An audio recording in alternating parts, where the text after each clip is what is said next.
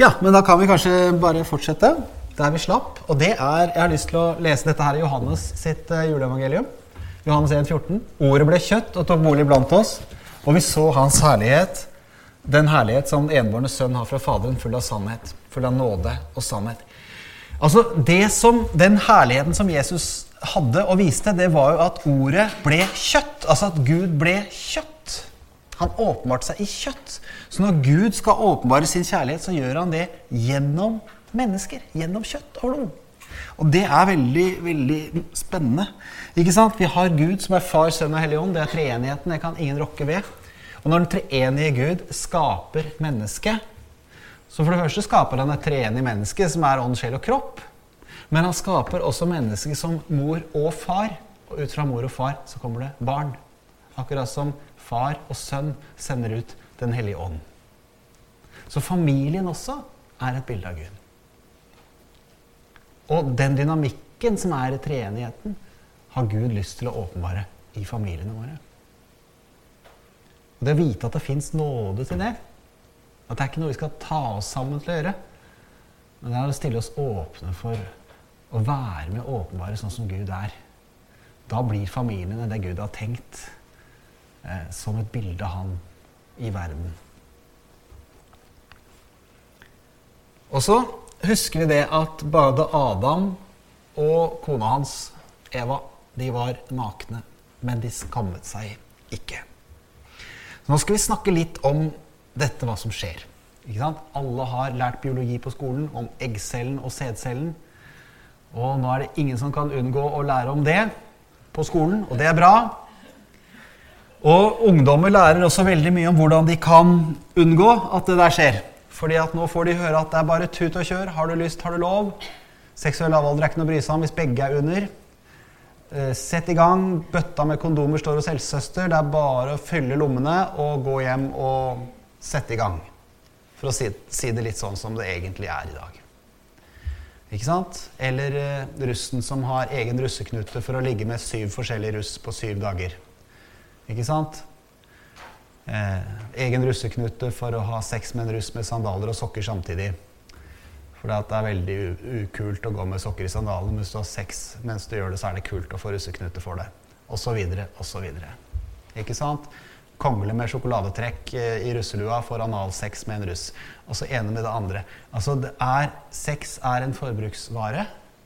Hvis du bare bruker kondom, så unngår du den befruktningen der. ikke sant? Og da er det farlig. Ikke farlig, da er det helt greit. Og fordi det også gir en uh, relativt grei beskyttelse mot de fleste kjønnssykdommer, så kaller man det sikker sex, og da er det i hvert fall bra. Har du lyst, har du lov. Det som er trist, er jo at da glemmer man jo, da skjønner man ikke, at mennesket er ikke bare kropp. For selv om vi er kjøtt og blod, så ville vi jo ikke vært skapt i Guds bilde hvis ikke vi også var åndsvesener. Mennesket er ånd, sjel og kropp. Vi er treenige sånn som Gud er. Alt er en enhet, men vi har et indre menneske. Det er det hjertet det der hvor denne strømmen kommer fram. Og selv om vi kan hindre eggcellen og sædcellen å smelte sammen, så kan vi ikke hindre det Bibelen sier at skjer når to mennesker har sex med hverandre, nemlig at de kroppene smelter sammen. De blir én kropp, står det. Ett legeme. Og hva betyr egentlig det? Hvis vi går til um, ordspråksboken, så står det i kapittel 6 vers 32 at hver den som begår ekteskapsbrudd med en kvinne, og det sier da Salomo til sønnen sin. Klart, Hadde han snakket med dattera si, så hadde han sagt at den som går ekteskapsgrunn med en mann, selvfølgelig, er uten forstand.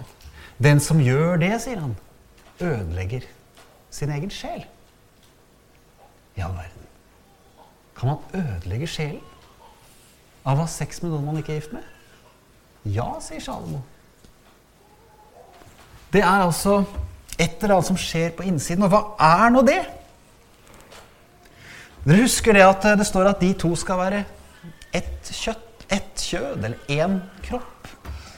Og i, i første Korinterbrev Du vet at i Korintmenigheten der var det helt ville tilstander.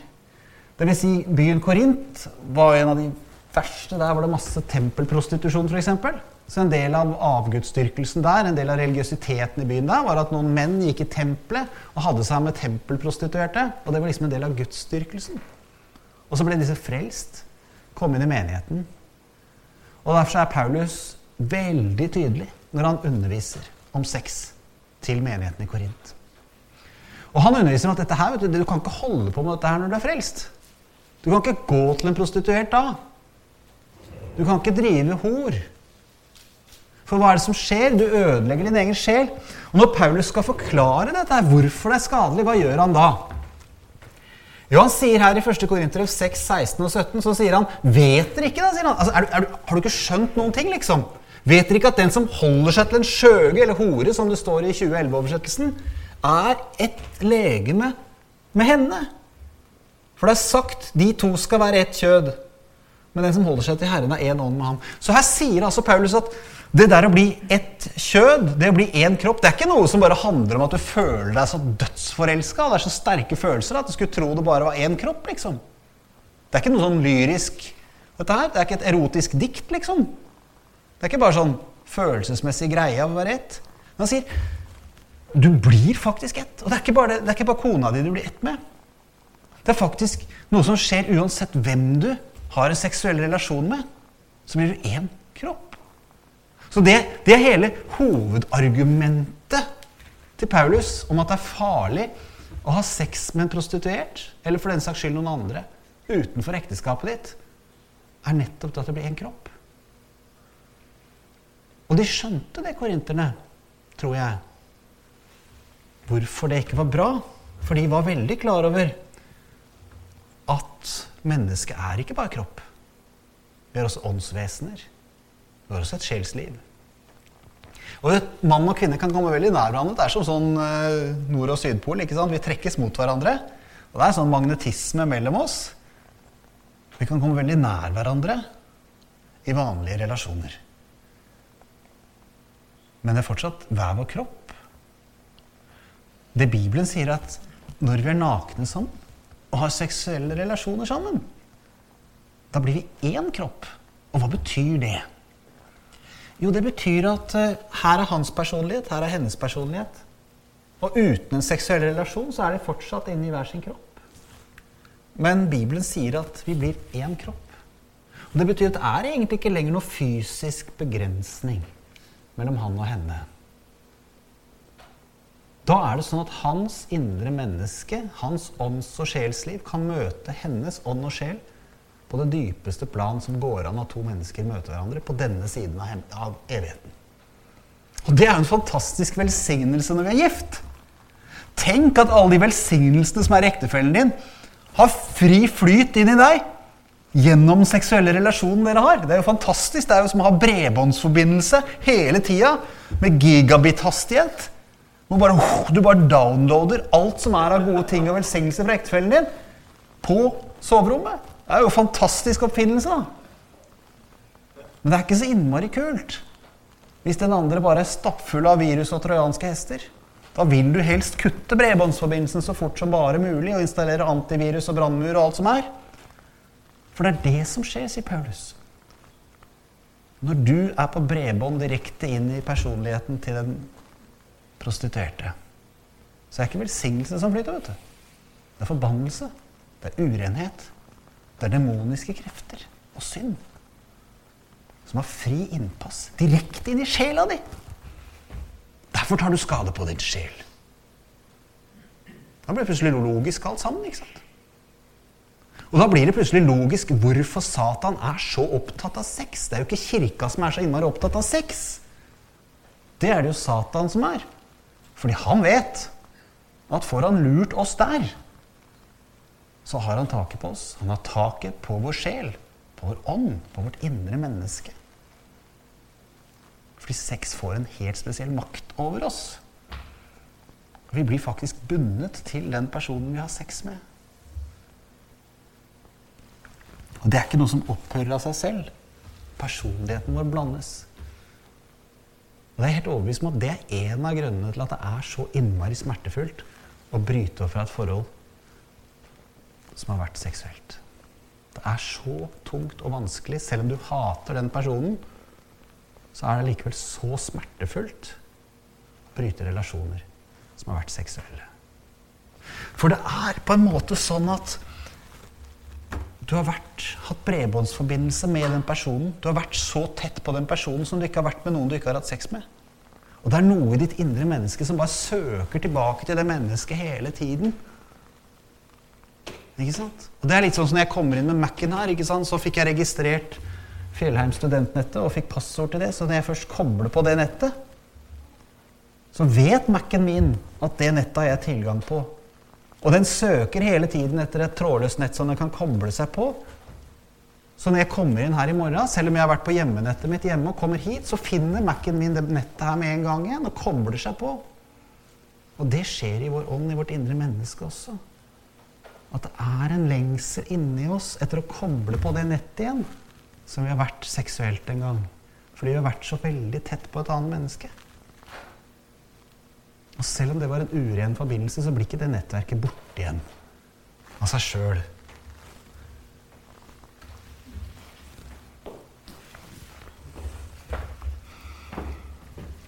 si litt, eh, Det her viser jo også hvorfor si, overgrep, eller altså barn som er utsatt for seksuelle overgrep Altså hvorfor man blir så vanvittig skada. Hvorfor er det så mye verre enn andre, andre ting? En annen ting er jo også den skaden som skjer når hva skal jeg si, sex eller samleie skjer hvor den ene, kanskje selv om det er et ekteskap, hvor det blir et overgrep hvor den andre presser den andre. At det ikke er frivillig, for det er så intimt og så dypt. Så, så kan man gjøre veldig stor skade med hverandre. Si, selv om det er i pakten, hvis man misbruker det. Mm. Ja, for hvis dette er manipulerende, hvis dette er press, så er det ikke velsignelse som flyter på det bredbåndet. Det skaper noe veldig vondt og vanskelig i det forholdet. Og Derfor er det så innmari viktig, og det skal vi snakke mer om i morgen, også hva vi skal gjøre med dette her. Men det betyr at det er blitt en åndelig forbindelse som vi er nødt til å bryte. Jeg tror kanskje dette her er en av grunnene til at i Gamle testamentet så sto det rett ut i Boseloven at hvis en mann lå med en kvinne, så måtte de gifte seg. Det høres jo helt absurd ut for oss med moderne tankegang. Men de var allerede ett. Kanskje var det rett og slett fordi det ville vært at det var det beste når de først hadde smeltet sammen, så måtte de gifte seg under den gamle pakt. For det var ingen som kunne bryte den seksuelle forbindelsen igjen når den hadde oppstått. De var allerede ett. Nå lever vi under en ny og bedre pakt, under andre løfter. Og har fått makten i Jesu navn til å løse og binde på jorden så det er løst og bundet fra himmelen. Det betyr at vi også kan bli løst fra tidligere sexpartnere. Det er ikke noe som er lettvint. Det er ikke noe som går over bare vi ikke tenker på det. Men vi kan faktisk si at det nettverket der skal slettes i Jesu navn. Den urene seksuelle forbindelsen vil jeg klippe over i Jesu navn.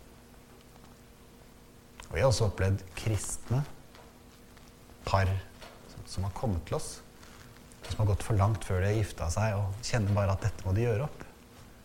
Og det er nesten umulig å ikke gjøre det igjen når de først har gått over en grense. Og selv der tror jeg det er riktig å bryte over det seksuelle båndet som faktisk ikke skulle vært inngått enda, for de er ikke en pakt enda. For at ikke det skal bli noe grums som følger med dem inn videre i livet, så kan vi gå inn og bruke autoriteten i navnet Jesus til å først be hverandre om tilgivelse, be Gud om tilgivelse, og si Jesu navn, så klipper vi over den seksuelle forbindelsen som har oppstått, som ikke er rent, som ikke er velsignet av Gud. Så kan de få gå videre. Det tror jeg også er en nøkkel alle de som har vært utsatt for overgrep og alle disse tingene. Det er ikke lettvint. Men en forutsetning for å bli helt fri er at man får befrielse i Jesu navn. Altså at vi ikke bare prater og prater og støtter og gir sjelesorg, men at vi også ber. At vi også bruker Jesu navn. Ikke bare tilgivelse. Det kan være ting man er blitt utsatt for, som man er fullstendig uskyldig, og allikevel har man et bånd til overgriperen. Og det å vite at vi har autoritet i navnet Jesus til også å være med å bryte det, er en nøkkel.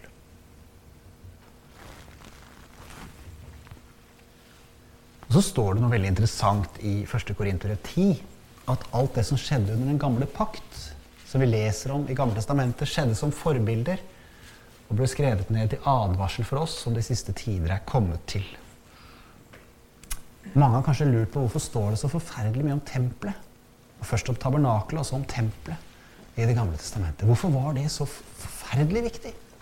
Det var fargene på duskene og ringene og, og, og, og diameteren på akasietregreier og stolper og vegger og Alt skulle ned til minste detalj. Til hvor mange alen alt skulle være hit og dit. Og hva slags metaller de forskjellige fatene skulle være. Hvor de skulle stå, hvor skuebrødene skulle være, hvor røkelsesalteret skulle være. Alt var bestemt ned til minste detalj. Det står til og med at alt skulle salves med olje til minste detalj. Hvorfor, hvorfor var alt dette så nøye? Jo, alt dette skjedde som forbilde for oss. Israelsfolket har måttet gjøre masse profetiske handlinger som er bilder på de åndelige realitetene som vi får lov å oppleve nå under den nye pakt, og som skal gjelde inn i evigheten. Så når Gud er så opptatt av tempelet i den gamle pakt, så har det en stor betydning. For hva sier Paulus? Han sier, 'Vet dere ikke at dere er et tempel for Den hellige ånd, og Guds ånd bor i dere?' Og det er et av hovedargumentene til Paulus for at vi skal leve i renhet, er at vi er et tempel.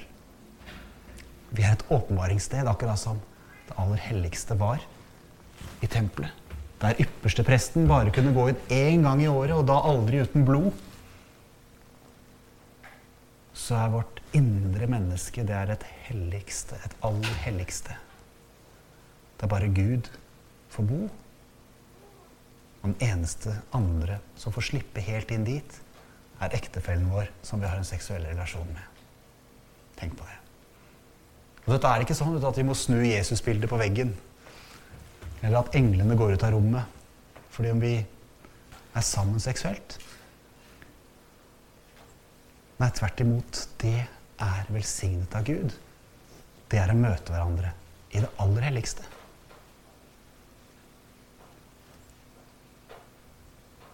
Jeg husker jeg hørte en historie en som fortalte han kjente et ungt ektepar som hadde hatt en hyrdestund, og de hadde det så bra, så hun kunne ikke annet enn å bare prise Gud og rope halleluja der hun lå etter et, um, at de hadde hatt det fint sammen. Helt i Evas drakt, vet du, hvor gutten bare, mannen bare røska dyna over henne, over dem, og så kan ikke ligge her og be i bare nettoen, liksom. Men, men ikke sant? Det er så religiøst, vet du. Det er så, det er så fjernt ifra hvordan Gud er. At han skulle ha problemer med vår nakenhet og vår seksualitet, som han skapte for å være et bilde av han. På hvor intenst han elsker deg og meg. At ikke det skulle være hellig og godt og rent, det er bare fordi at vi har sett så mye urenhet. Opplevd sex i så feil setting og så feil sammenheng hele tiden. At ikke vi har klart å fri oss fra det. Og så står det her altså at vi er Guds tempel, og at Guds ånd bor i oss. Og Det betyr at når mann og kvinne er sammen seksuelt, så blir det en hellig og en ren forbindelse mellom hans indre menneske og hennes indre menneske.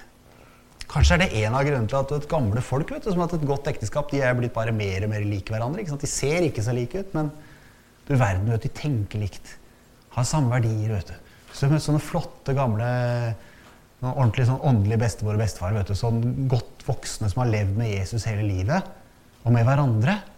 De tenker jo likt om det meste, mange av dem. ikke sant? Og de er virkelig sånn på nett. Og det, mange av dem vet, har ikke hatt så ofte sex de siste 15 åra, hvis de er ordentlig gamle. Men de har vært sammen, nakne, mer enn én gang. Og de sover sammen i samme dobbeltseng. Og de er tett på hverandre. Og det er en åndelig enhet dem imellom som bare er mellom de to. Og det er en sånn velsignelse. Og jeg er helt sikker på at det er noe av den samme åndelige enheten som er mellom mitt indre menneske og Gud selv. For Det er det Paulus snakker om i Efeserne 5, når han snakker om denne, dette mysteriet, denne hemmeligheten. Han taler om Kristus og menigheten. At det er som mannen og kvinnen i ekteskapet.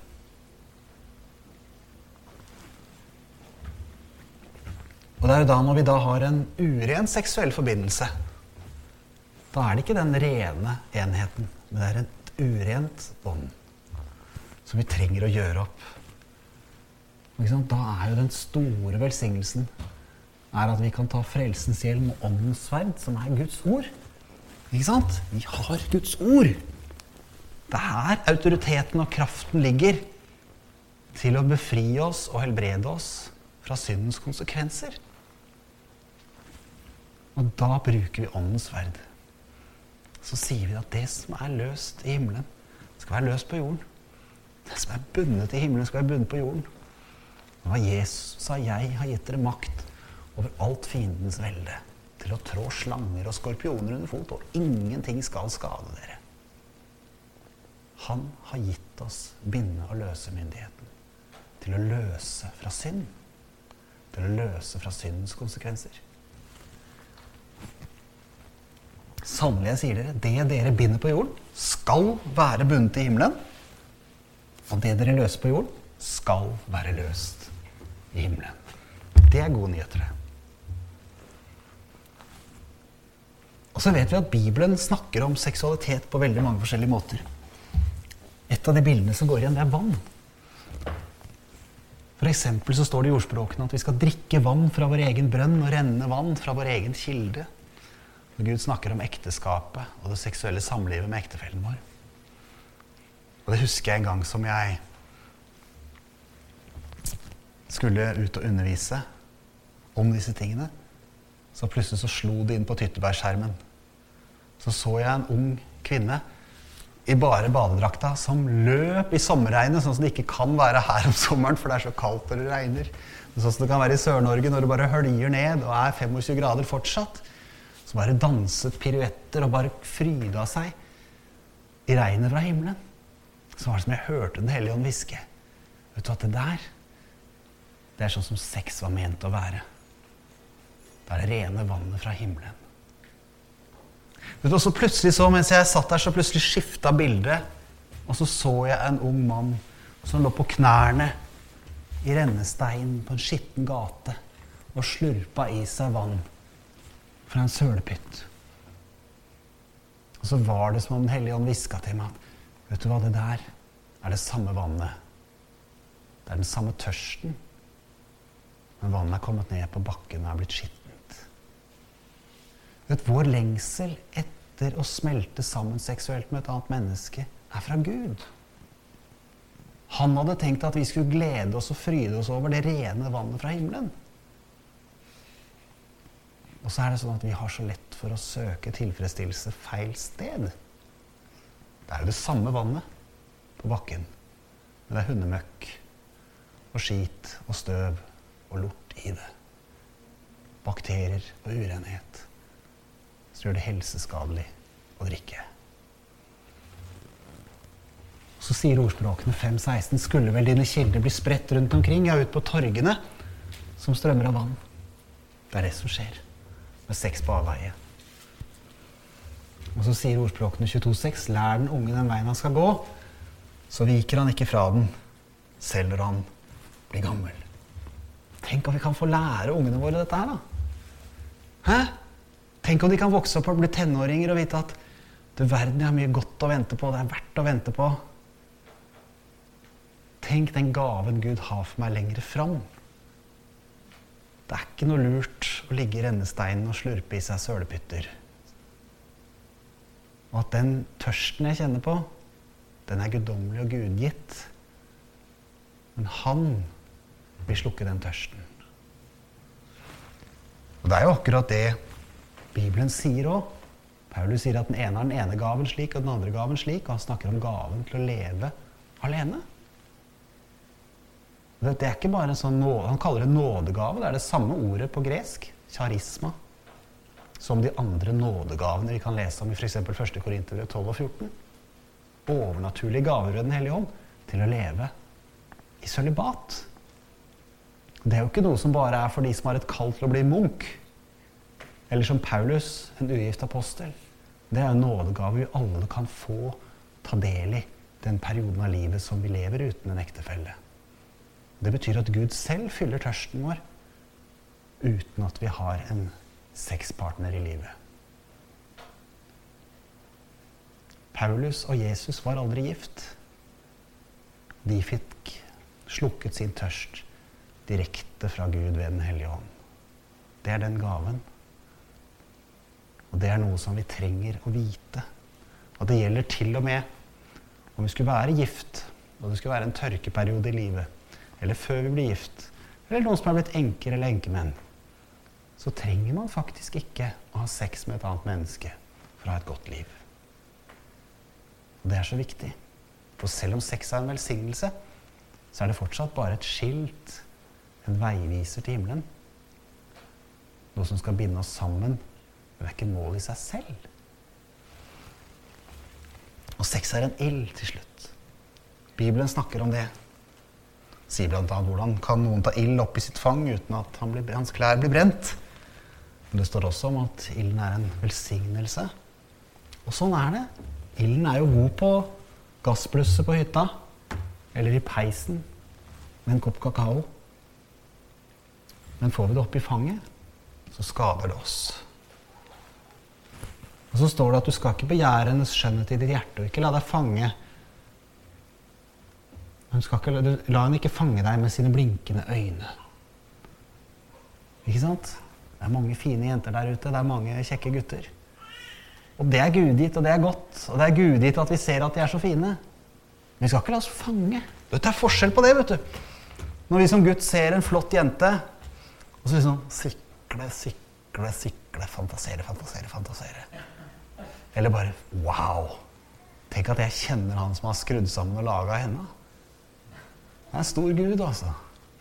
Han er kunstner, altså. Leonardo blekner, liksom. Hun der er enda finere enn Mona Lisa. Takk Gud. Gi henne en skikkelig mann, ikke sant? Som kan ta vare på henne. Det er ikke flaut å se at hun er finere enn Mona Lisa. Det er gudgitt, det. Ikke sant? Men å la seg fange, det er noe annet. Ikke sant? Da er du fanget i ditt eget begjær. Det eneste du tenker på, er å få henne i seng. Komme ned i trusa på henne. Og det er noe skittent. I motsetning til å se at hun er fin. Det er jo bare å gi Gud ære. Tenk deg, så er hun kanskje til og med søstera di. Jeg går i menigheten. Til og med søstera di kan være stolt av henne. ikke sant? Men så blir det i stedet sånn at vi vi rett og slett bare gir fyrstikker til ungene. Og sier 'sett i gang'. Tenn bål. Ha det moro. Se Trekant på TV, ikke sant? Hvor de utstyrer dem med nytt sexleketøy hver uke og skal være med på pornofilminnspilling og det ene etter det andre. Men da blir det jo sånn da, at uh, ungene begynner å leke med fyrstikker så, så, snart de klarer å holde en fyrstikk. Jeg husker Da jeg vokste opp, så var det en kamerat borti veien i rekkehuset vårt som sto opp midt på tidlig på morgenen. Så fant han fyrstikken, og så tente han bål på gulvteppet i stua. Heldigvis hadde han en lillesøster som ble redd og skjønte at dette her kunne ikke være bra. Så hun gikk og vekket mamma og pappa. Så farlig, farlig, farlig. Så kom de opp og fikk slukka bålet. Det er jeg veldig glad for, for jeg bodde fire hus, fire rekkehusleiligheter litt lenger bort. Det kunne brent ned alt som var. Men ikke sant? det er akkurat det vi gjør. Når vi forteller 14-åringene våre at det er bare å sette i gang, kondom, kondombøtta står der, og du skal bare starte å eksperimentere. Har du lyst, har du lov. Vi gir fyrstikker til ungene. Og før de veit ordet av det, så har de tent på hele esken. Prøvd alt. Vi får spørsmål på gutt og jente ikke sant? fra ungdommer tidlig i tenårene som spør om analsex må være lov. For jeg vet jo at kristne ikke skal ha sex, men analsex, er det sex? Kan vi kanskje ha det? Ikke sant? Så fjernt er det når kristne ungdommer skriver inn og spør om det. Så må vi si at analsex er som ordet sier sex. Så må vi undervise litt rundt det, da. At er kanskje ikke helt å anbefale heller, det er en annen sak, men, men at ikke sant? Så må man begynne derfra. Men dessverre, veldig mange ungdommer nå de har jo ikke bare brukt opp fyrstikkene sine. De har nesten brent ned hele kåken før de er 20. Og du vet, Når alt er en eneste stor branntomt Vi kan alltids prøve å slukke brannen. Når det bare står grunnmuren igjen, så er det ikke så veldig mye å bygge et stabilt samliv på resten av livet. Og Det er jo den tragiske sannheten. da. at veldig mange de har et fryktelig dårlig utgangspunkt før de er 20. Og fins det heldigvis nåde, da? At vi kan få lov til å bli gjenoppretta. At Gud kan vise oss hvem han er, og han kunne gjenopprette til og med David. Tenk på David som falt med Batseba, og ikke bare falt med, han tok henne fordi han så henne bada. Syntes hun var fin naken. Drepte gubben til og med. Selv han står inn i verdenshistorien at Gud kaller han en mann etter sitt hjerte. Ikke fordi han hadde gjort det, for det var ikke etter Guds hjerte. Men måten han omvendte seg på etterpå, måten han var avhengig av Gud og levde i hans nåde, gjør at selv etter det så er David den som har gått inn i verdenshistorien som kongen og mannen etter Guds hjerte. Det er nåde. Og når vi lærer å holde den stien, når vi holder oss til Guds ord, så vil han beskytte oss. Og sånn er det, vet du. Vi husker fra søndagsskolen og disse her to karene som bygde huset sitt. Husker du Den dumme mann bygde huset sitt på sand. Den kloke mann bygde huset sitt på fjell. Det kan se fint ut, vet du. Men Jesus sier det at den som bygger på sand helt til slutt her, han er ikke en uforstandig mann. Den som hører hans ord og ikke gjør etter dem. Ikke sant? Har hørt hva som er riktig. Vet egentlig. Har hørt forkynnelsen men ikke gjør etter dem. Han er like en uforstandig mann som bygde huset sitt på sand. Og regnet øste ned, og vannflommene kom, og vinden blåste og slo mot dette huset, og det falt. Så fallet var stort. Og så sier han at den som hører disse mine ord og gjør etter dem, han vil jeg sammenligne med en klok mann som bygde huset sitt på fjell. Og regnet øste ned, vannflommene kom, og vinden blåste og slo mot dette huset, men det falt ikke, for det var grunnlagt på fjell. Dette er jo hele forskjellen. Om vi baserer livet vårt på sand, eller om vi baserer det på sannheten i Guds ord, som er grunnfjellet. Som er det vi kan få lov, som er åpenbaring fra himmelen. Og som forteller oss hvordan vi er skapt, hva vi er skapt til. Hva Gud har tenkt for livet vårt. Og da tåler vi noen stormer. For det er grunnlagt på fjell. Da har vi litt av grunnlaget i orden. Da kan vi godt snakke litt i morgen. Litt om prevensjon, litt om anatomi, litt om fysiologi. Litt om seksuelle problemer vi kan ha, og løsninger på de. Så vet vi at Gud har behag i at også det skal fungere. Fordi det også var noe som han skapte som en gave for oss. Alt bygger på dette grunnfjellet. At vi er skapt i hans bilde. Ekteskapet vårt er et åpenbaringssted. Til og med sex er hellig. Far, vi takker deg for at du har vært sammen med oss i kveld. Vi takker deg for at vi får samles her om både om ditt ord og om visdom som du vil gi oss. Takker deg for at du skal være med oss hele denne helgen, og vi ber om at ditt velbehag skal være over oss, at vi skal se nye ting at du skal tale inn i ekteskapene til alle som er her. Tale inn i livene våre. Så vi ser ting på en ny og frisk måte. Og ser alt det du i din nåde ønsker å gi oss. Amen.